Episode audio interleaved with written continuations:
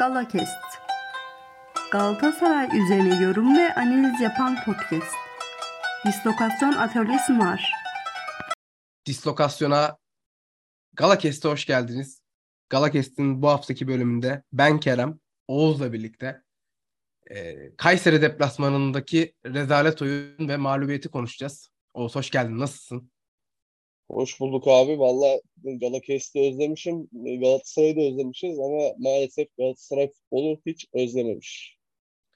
Evet yani e, son bir ayda milli ara ve işte araya giren bay haftasından sonra takımı izlemek için herkeste inanılmaz bir heyecan vardı. Bu sezon Avrupa'da ol, olamamamızın en büyük sıkıntılarından biri bu. E, hem takım az maç yapıyor.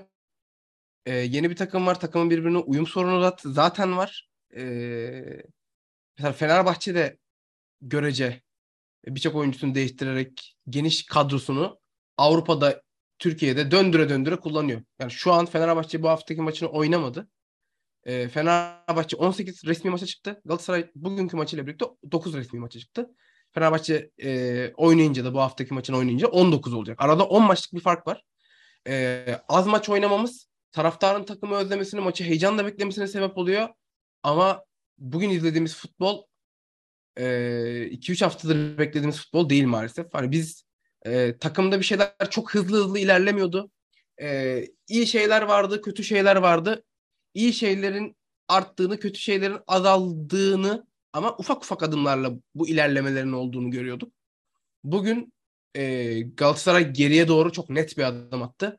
E, işleyen şeylerin dahi bozulduğu ve oldukça durağan, birbirinden çok kopuk, takımın boyunun çok uzun olduğu, geriden pasta çıkılamayan, orta sahada kaptırılan her topta rahatlıkla geçişlerin verildiği e, ve yani beklentilerin yüksek olduğu bir maçta ki yani rakip kıyasladığımız kendimizi rakip olarak gördüğümüz mesela Fenerbahçe'nin e, Kayseri'yi rahat yendiğini de düşünerek Galatasaray'ın da bugün pek çok taraftarın hayalinde yani XG gol beklentisinin karşılığını gol olarak alamayan Galatasaray'ın bu hafta bol gollü rahat bir galibiyet almasını, güzel bir oyunda buradan çıkmasını bekliyordu tüm taraftarlar. Ee, bizler de dahil olmak üzere ama maalesef büyük bir hayal kırıklığıyla bu maçı noktalamış olduk. Ee, sen ne düşünüyorsun abi? Genel bir maç yorumunu alayım senin de. Abi ben Kayseri Spor maçına o kadar rahat geçecek olarak bakmıyordum. Çünkü e, kadro kalitesi olarak belli bir seviyede Kayseri Spor. Bu net bir şey ancak Çağdaş Atan'la birlikte e, tutturdukları maçlarda rakiplerine planlarını işletebildikleri maçlarda sorun da yaşatan bir takım. Şimdi Galatasaray'da olumlu ve olumsuz şeyler çok belirgindi ve dediğin gibi olumlu şeyler her hafta ilerliyordu. Ama e, bu ara Galatasaray çok ciddi geriye düşürmüş. Bir de birazdan kadroları da konuşuruz. Bazı şeylerin neden hiç olmayacağını bu maçta çok net gördük. E, bununla birlikte mesela Kazımcan'ı da ilk defa bir deplasmanda sahaya attı hoca ki e, benim maçta beğendiğim ender Galatasaray oyuncularından biriydi. Oyun olarak çok e, ciddi bir skandal vardı sahada bunu söylemek lazım. Çünkü bu kadronun hak ettiği ya da vaat ettiği böyle bir oyun değil. Ee, bununla birlikte her hafta her hafta olduğu gibi güzide hakemlerimiz yine formlarını korudular. Ee, Türk hakemliğinin en büyük istikrarı kepaze yönetimler her maçta. Bunu geçtiğimiz hafta yine bugünkü e, güzide rakibimiz Kayseri Spor'un maçında, Ümraniye maçında da gördük. Her hafta aynı şeyler devam ediyor. Ee, ama dediğim gibi hakemler böyle kepazelikler yapabilir. Galatasaray bu kadar e, kötü bir oyun oynayamaz. Ee, bununla birlikte e, bununla birlikte yani e, Kayseri Spor'u tebrik ediyorum ve kaybetmeye hak eden bir Galatasaray vardı. Ama dediğim gibi hem kadroları hem oyunu, maçın bölümlerini hem de bence e, sahadaki kardeşi Süper Lig'de profesyonel futbolcu olan ve bu arkadaş bir hakem. Bu arkadaşla bir konuşmak lazım. Çünkü e, korkunç bir el standardı vardı maçta. E, ben hep söylüyorum hakem hiçbir zaman bahane değildir. Eleştirilir ama e, mağlubiyet hakemin ardına sığ, sığındırılmaz. E, bugünkü mağlubiyetin de birinci sorumlusu sahadaki Galatasaray, Galatasaray formalı futbolculardı. ama konuşulması gereken de bir rezalet vardı maçta açıkçası. Kesinlikle öyle abi. Ee, yani bence orada yani hakemin kötü bir standardı vardı. Saçma sapan yani Kayseri'nin ikili mücadelelerdeki tüm şeylerini devam ettirdi ama Galatasaray'ın yani çok devam ettirmedi. Biraz hani orada kötü inisiyatifler aldığını düşünüyorum ben hakemin. Biraz hani ya bir şeyde art niyet arayacaksan orada ararım ama maalesef ben penaltıdaki el konusunda suçun hakemde değil gerçekten kuralda olduğunu düşünüyorum. Çünkü kural şöyle aptal bir kural. Ee, top ceza sahasında ne şartta ve koşulda olursa olsun el bölgesine değiyorsa gol iptal ediliyor.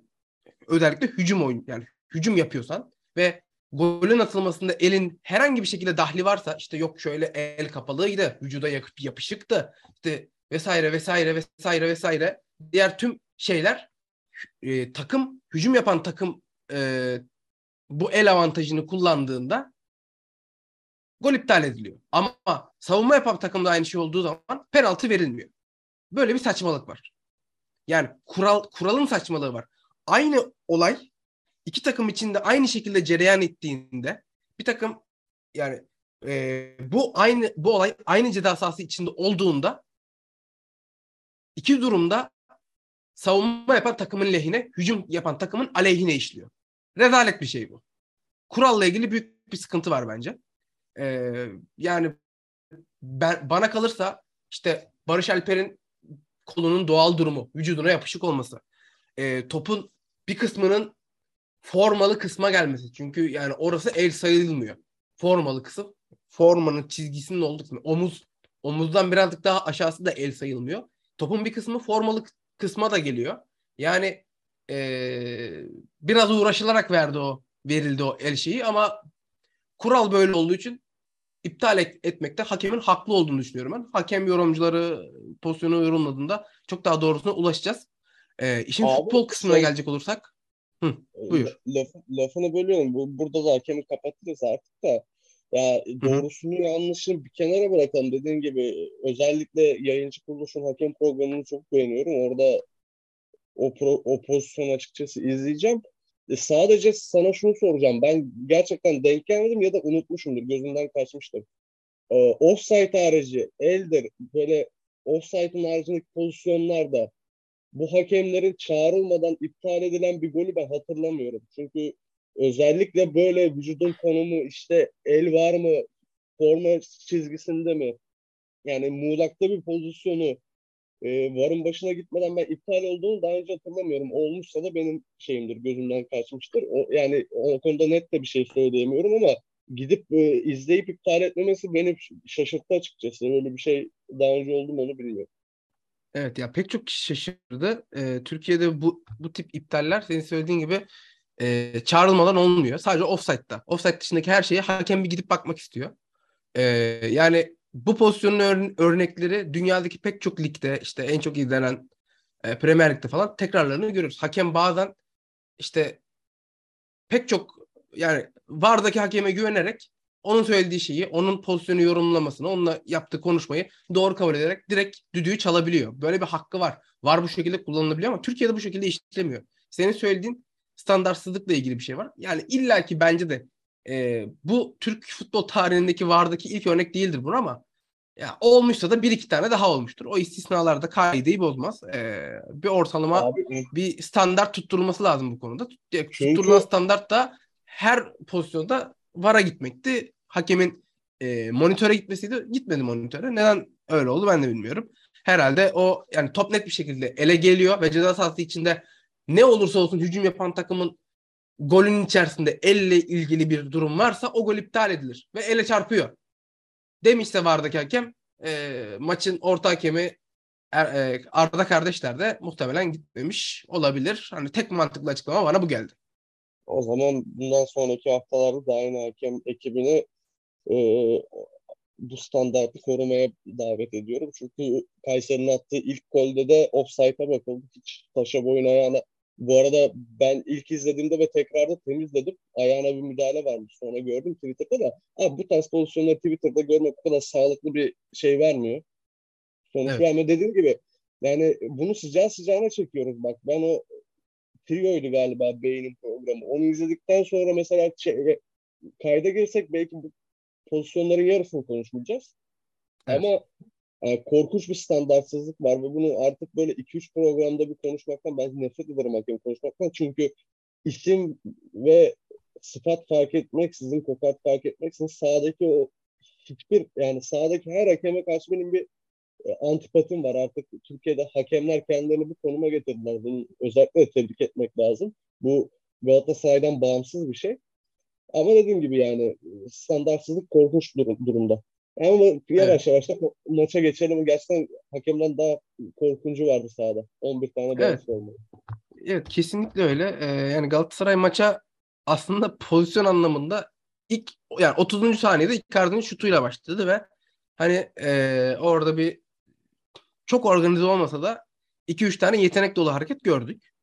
Yani onun dışında bana kalırsa Galatasaray yani dengede giden maçı e, maçın işte gole kadar olan kısmında yani önde basan taraf Kayseri. Kayseri önde bastığı için geride bazı boşluklar bırakıyor ve savunma ön, önünü savunmasında sıkıntı var Kayseri'nin. E, stoperlerden e, Kolovetsios ağır bir oyuncu. E, savunma önündeki Campagnaro da çok kapsayıcı bir oyuncu değil. Takım e, Kayseri savunmasını öndeki baskısından ve genel takım savunmasından e, savunmasıyla birlikte yapmaya çalışıyor. Önde basarak. E, Galatasaray'da iyi çıkamadı ama nadiren çıktığı anlarda ben savunma arkasındaki o boşlukları yani ön libero'nun kapatması gereken, Campagnano'nun kapatması gereken o alanı Galatasaray'ın çok rahat işleyebileceği bir cevher olarak gördüm ki yani işte bir tane o Icardi'nin savunma arkasına attığı koşu ve işte kaleciyi çalımlamaya çalışıp çalımlayamadıktan sonra kendine yarattığı pozisyon. Ondan sonra bir iki kere yine Mata'nın sarkışları. Orada Galatasaray aslında boş bir alan buldu. Ee, ben bu bunu değerlendirilebilir bir şey olarak görmüştüm. Bir iki bir şey denedi Galatasaray'dan ama hiçbir şey çıkmadı. Icardi o pozisyonlarda 2-3 kere iyi pozisyon aldı. Onun dışında ilk 22 gal- dakikada gole kadar olan kısmında Galatasaray için ee, iyi bir şey yoktu. Yani gol pozisyonu geldi. Gol pozisyonunda da yani açıkçası ee, savunma uzaklaştırıyor. Galatasaray zaten yediği iki golde de geçişlerle yedi golü. Ve o goller dışında da net pozisyonlar verdi. Orta saha ikilisini ileride Mata, Mertens, Yunus ve Icardi dörtlüsünü taşıyabilmesi düşüncesiyle daha defansif ve daha mücadeleci olan Torreira ve Mitchell ikilisinden kurduk. Kağıt üzerinde mantıklı gözüküyor. Ama Sergio Oliveira'nın verdiklerini sahanın dışında bırakıyorsun. Artı yani ne olursa olsun bu iki oyuncu da savunma defansif aksiyonlar yönünden e, olumlu iki oyuncu olsa da ya bu iki adam Mehmet Topal Joseph gibi kesici veya e, şu an modern futboldan Declan Rice, e, Suçek gibi inanılmaz kesici iki oyuncu değil. İnanılmaz yer kaplayan, fizikli, ikili mücadele vermeyen iki oyuncu değil ki Galatasaray e, çıkamadığında işte uzun vurulduğunda veya rakip orta açtığında seken toplarda ceza sahası önündeki ikinci topların hepsini Kayseri Spor'a verdi. Özellikle Kemen bugün inanılmaz etkiliydi. Kafa toplarına çok etkiliydi. İlk golün asistini de Kemen o kafa pasıyla yaptı. Ve o ikili top, e, ikili mücadelelerin, hava toplarının hepsini Kemen kazandı orada. E, Torreira zaten boyundan ötürü net bir üstünlük kurdu. Mitchell de bugün biraz dağınıktı ve e, hücumu çok düşünen bir yapıdaydı. Pas hataları da yaptı ama ya tüm suçu orada Mit, e, Mitchell ve Torreira ikilisini bulmak da doğru değil bence. Ya şu ezberin biraz boşa çıkmış olduğunu gördük. Sağ, sahada hiç görmemiştik bunu ama kağıt üzerinde Galatasaray'da şöyle bir ezber vardı. Ya kardeşim işte Oliveira iyi hoş da çok rahat adam geçiriyor. Ee, yanından yürüyerek geçiyorlar. Torreira Mitchell yaparsak biz orta sahayı çok güzel kapatırız. Yani ben bunun tamamen yanlışlandığını söylemiyorum ama modern futbolda şu anki futbolda e, böyle takım halinde oynayan bir takıma karşı sağdan bu kadar bindiren bir takıma karşı sen takım savunmasını yapmazsan ileride dört tane eksi yazan savunmacıyla çıkarsan yani tüm takım savunmasından bahsediyorum. Çünkü aslında ilerideki dörtlü hücumcu. Ee, eksi yazan, yaşlı, koşamayan, kısa boylu, fiziksel mücadelelerde ezilen oyuncularla çıkarsan ki bana kalırsa bugünkü Mertens'in sol kanatta oynama tercihi inanılmaz yanlış. Yani sen Kazımcan gibi tecrübesiz bir adamı bugün sahaya atıyorsun. Ee, sağ kanadı Ramazan ve Onur Bulut'la inanılmaz işleyen Kayseri'ye karşı ki Kazım kötü bir maç oynadığı için söylemiyorum bunu. Kazım'ı sol, sol bekte çıkartıyorsun. Önüne de Mertens koyuyorsun. Yani o kadar ezildi ki Mertens ve Kazımcan ikilisi o kanattan. Ee, Kayseri o kadar çok geldi ki o kanattan. Okan Hoca Mertens'le Yunus'un kanadını değiştirmek zorunda kaldı. Bu da bu bile çözüm olmadı. İkinci yarı ikisini birden oyundan çıkardı. Ve Raşista'yı attı oraya sol kanada. Ee, yani bana kalırsa her ne kadar ben Patrick Van Aanholt işte burada bak iyi oyuncuydu bak yerine oynananlar şöyle böyle gibi bir e, şey söylemiyor olsam da bana kalırsa eldeki sol bek oynayabilen oyuncular arasında bu takımda en iyi savunmayı yapan adam Patrick Van Aanholt olduğu gerçeği değişmez. Ve Patrick Van Aanholt işte yerli sınırından ötürü olabilir, başka sebeplerden ötürü olabilir ki bence e, altını gerekçelendirebilecek pek çok nokta var Patrick Van Aanholt'un kesilmesinin ama bu takımda sağ kanattan etkili hücum yapan bir rakibe karşı oynayacak ilk sol bek Patrick Van Aanholt'tur. Adana Demirspor maçında da bana kalırsa Dubois'un oynamasıyla e, Patrick Van Aanholt'un savunma katkısını aradık. Bu maçta da aradık. E, bununla birlikte çok büyük bir eleştiri var. Yani tüm takımla ilgili yapılacak taktik, teknik eleştiriler bir yana ki pek çoğunu detaylandırabiliriz burada, altını açabiliriz. Ee, gerçekten yani taraftar ne istiyorsa sahada o oluyor gibi saçma sapan bir gerçek var. Yani evet farklı şeyler denemek, eldeki bu geniş kadroyu optimize etmeye çalışmak, işte yerli sınırından bir şekilde kaçınmaya çalışırken kadroyla oy- oynamalar yapmak, yapma denemelerini anlayabiliyorum. Ama bir önceki hafta işte iki önceki hafta Dubois sol kanattan bindirdi. E, Sergio Oliveira iyi ara pas attı. Dubois çevirdi. E, ya Icardi atacaktı ya savunma dokunacaktı. Savunma dokundu. Kendi kalesine gol oldu. Yani Dubois asist yaptı sayılır. Şimdi bu oldu diye hemen Dubois'ı ilk hafta e, daha tam hazır olmadan sol bekte denedik. Olmadı mı? Tak hemen Dubois'ı da keselim. Yani plan var mı? Yok. İstikrar var mı? Yok. Israr var mı? Yok. Yani sosyal medyada bir fikir ortaya atılıyor. Yani bunu sadece sosyal medya fenomenleri veya işte Twitter'a göre hareket ediyor gibi değerlendirmemek lazım. İşte bunu bir sporcu, e, spor yorumcusu söylüyor. Bunu bir eski futbolcu söylüyor vesaire. Birileri bir fikir ortaya atıyor. Bak şöyle şöyle şöyle olabilir. Böyle böyle böyle olabilir diye değerlendiriyor. Ee, sosyal medyadan hemen bunun şakşakçılığı yapılıyor. Ertesi hafta sahaya bir bakıyoruz. Ee, Galatasaray'da az buçuk işleyen bir şeyler de bozulmuş ve bugün bana kalırsa e, geçmişte Galatasaray'ın çok yaptığı işte o bir kanatta Arda, bir kanatta Feguli, Forvet'te Falcao'nun oynadığı yaşlı, temposuz, e, kaliteli oyuncularla çıkılan ve takım savunmasında, organizasyonda, fiziksellikte pek çok sıkıntıların yaşandığı o iki sene öncenin, bir sene öncenin Galatasaray'ına bir flashback yaptık bugün. Ee, her ne kadar ben çok eleştirsem ve Kerem'in kesilmesini doğru bulsam da bence Kerem kesildiğinde yerine oynatılması gereken oyuncu sol kanatta Mertens değil. İşte ikinci yarı girdiğinde bence değişikliklerden en iyi katkı veren oyuncu olan Raşitsa. Raşitsa'nın oynamasıydı. Bana kalırsa. Ee, yani şimdilik değerlendirmelerim bunlar olsun abi. Sen de ekleyeceklerini ekle. Konuşulacak o kadar çok şey var ki. E, burada keseyim. Vallahi abi şimdi e, söyleyeceğim her şeyi de söyledin. Çok da açıkçası doğru noktalara değindin. Yani bu maçtan bana göre seninle ayrılacağımız tek nokta e, birazdan bahsedeceğim. Bu maçtan çıkarılacak bazı çıkarımlar var. Birincisi e, Torreira Mişo, Mişo ikilisi bazı özel maçlarda sahaya atman gereken ikili. Bunu daha önce de konuşmuştuk. Çünkü yani oraya Oliveira'nın zekasını ve oyuna oyun te, oyunun temposunu bizim lehimize getirişini eklemediğinde e, Kayseri'nin baskısında sıkıntı yaşıyorsun. Yani bunu yani bu duruma biz geçen sene de düşüyorduk. Bu sene bizim orta sahamızdaki bu orta saha oyuncularımıza, orta saha rotasyonuna kabarmamızın ana sebebi rakibin herhangi bir reaksiyonunda onların gardını düşürüp yine ritmi kendi yönümüze çevirebilme özelliği. Bu sayede aslında önde dört oyuncuyu saklayabiliyoruz. Ama şu da var. Mertens, yani solda Kerem oynamayacaksa Mertens'in hiç oynamaması lazım. Çünkü orta, ortada özellikle forvetin arkasına koyduğunda evet daha önce de söyledik. Çok mücadele ediyor. Profesyonel bir oyuncu. Çok da karakterli bir oyuncu ama Mertens'in fiziğinde, Mertens'in yaşında, Mertens'in temposunda bir oyuncuyu sol öne attığınızda e, rakibiniz kim olursa olsun çok çok kalitesiz olmadığı sürece orada iki kişi senin bekini boğuyorlar. Yani bugün Patrick Van Aanholt'u da geçtim.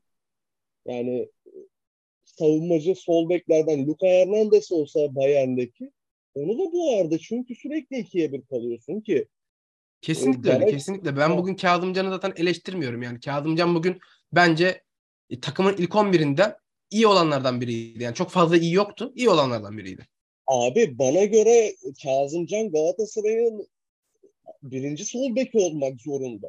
Zorunda diyorum çünkü Patrick Van Aanholt'tan alamadıklarım ve artık alamayacakların çok belli. Patrick Van Aanholt artık belli bir e, şeyin altına düştü. E, sadece taraftarda sosyal medyada da değil. Yani sağ içinde takım arkadaşlarının bile negatif enerjisi var Patrick Aanholt'a karşı. Çünkü yani topu verdiğinizde ve ondan bir şey beklediğinizde Galatasaray sadece e, topu kazanır, kazan, kazandığında değil, yani kazanmada değil, kazandığında yaptığında da değerlendirilen bir takım. O yüzden o konuda çok büyük eksi yazıyor ve takım oyununu direkt düşürüyor.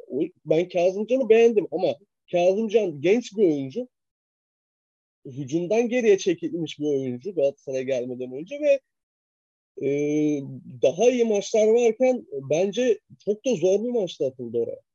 Bunu evet evet yani evet bu oyuncuyu sahaya atılma ter, e, zamanlaması yanlış. İşte ben hani şeyden bahsederken yani işte rakip takımın işte şöyle sağ kanatlı sağ kanat organizasyonu şöyle sen zaten önünde Mertens koymuşsun vesaire. Yani senin zaten Türkiye'de genç oyuncuyu yemek e, çok kolay. İşte yani e, ay, şey Ayhan Akman'ın oğlu Hamza Akman'ı 85'te çok saçma sapan yine beraber Giresun maçında mı oyunu almıştı hocam? 85'te falan evet. oyunu almıştı. E, kilit açıcı şeyler yapmaya çalışıyordu çocuk tek başına. Sağ katta falan gidip çalım atıp bir şeyler yapmaya çalışıyordu. Yani sen genç oyuncunu en sıkıntılı zamanlarda ortaya koyarsan e, onu taraftarın önüne atarsın. E, pek çok teknik direktör zaten bundan korkuyor, çekiniyor. E, yani bir oyuncuyu güveneceksen, forma şansı vereceksen bunu çok daha doğru zamanlamayla yapabilirsin.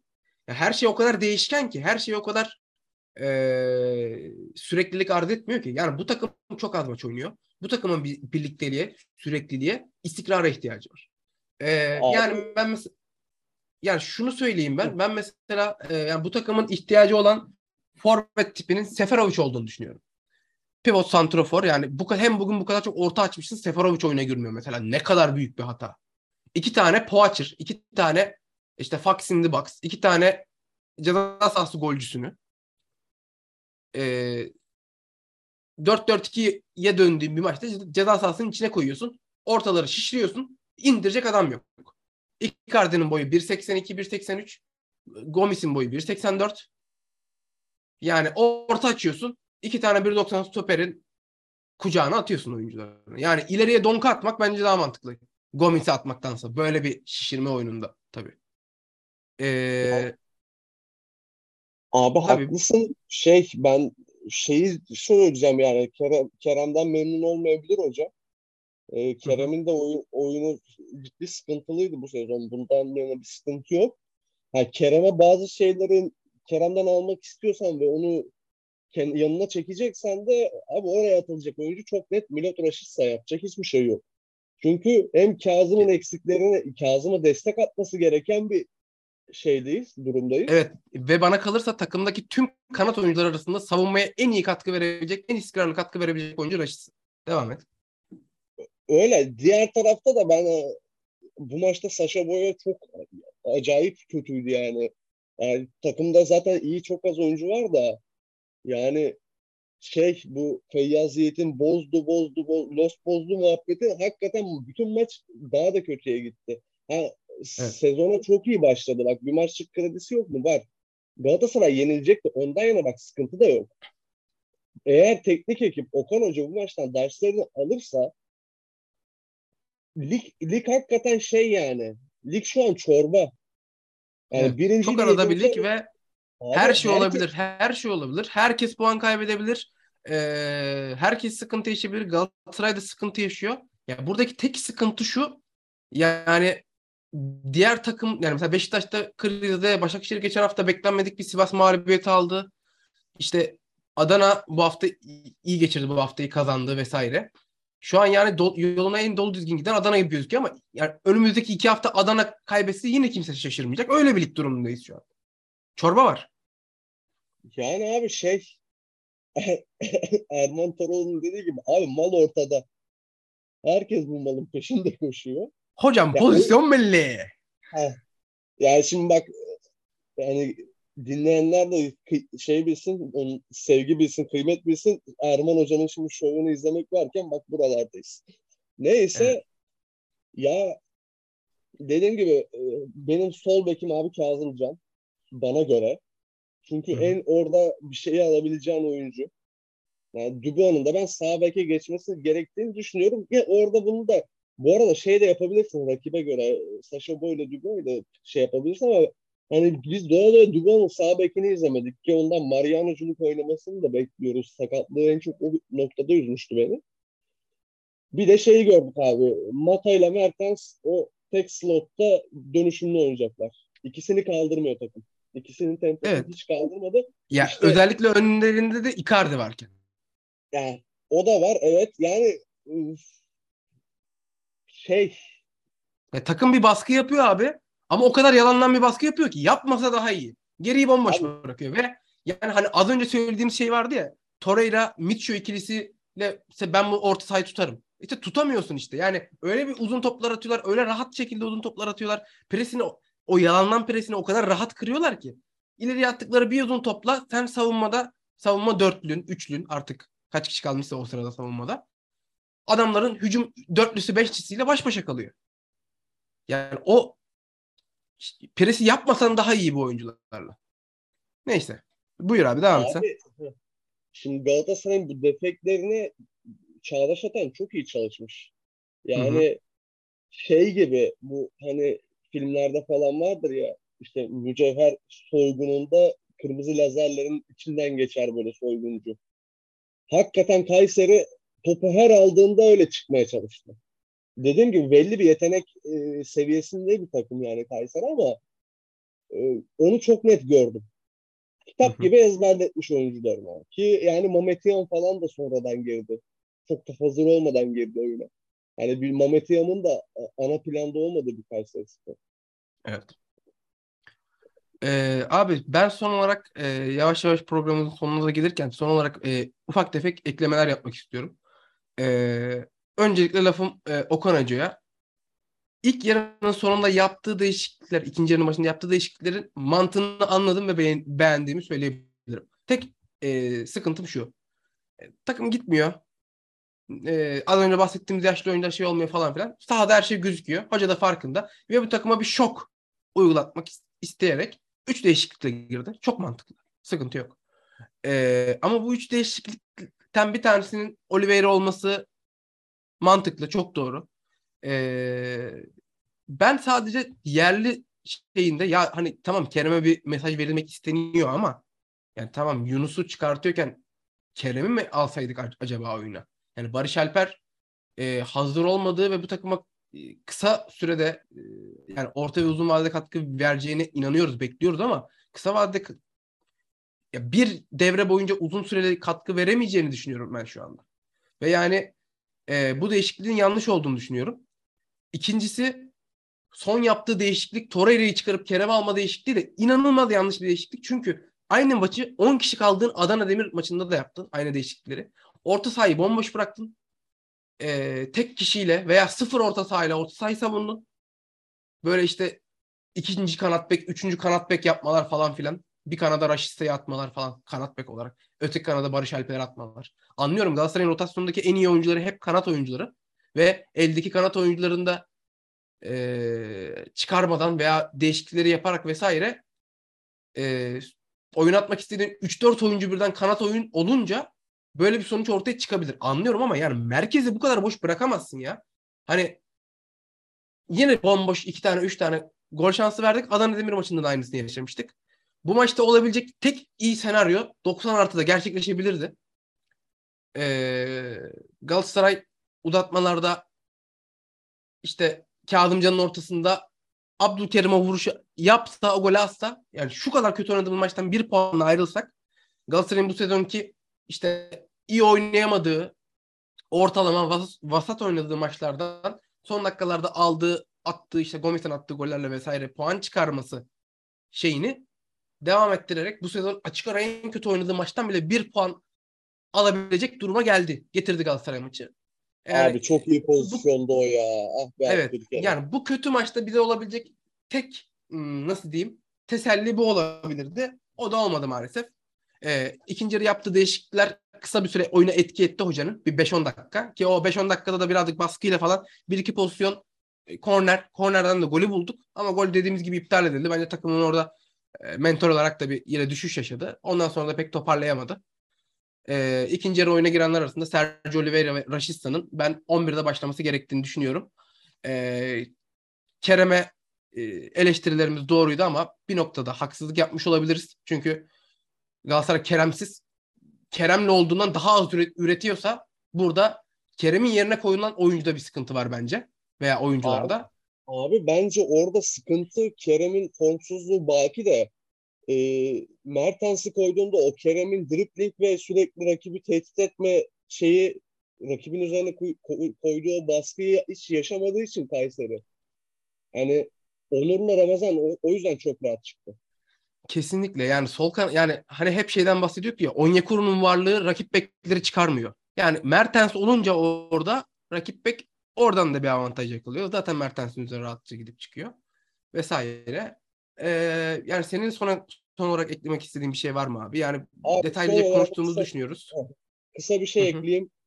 Ee, o üç değişiklikten birinin Dubois olmaması beni çok ciddi hayal kırıklığına uğrattı ve Barış Alper'i neden kiralayıp geliştirmemiz gerektiğini bu maçta gördük. Ben bu kadar. Kapatabiliriz. Galakest'in bu bölümün sonuna geldik. Ee, bizleri dinlediğiniz için teşekkür ederiz. Umarım önümüzdeki hafta daha iyi bir oyunla ve galibiyetle sizlerin karşısında oluruz. Hoşçakalın. Galakest. Galatasaray üzerine yorum ve analiz yapan podcast. Dislokasyon Atölye sundu.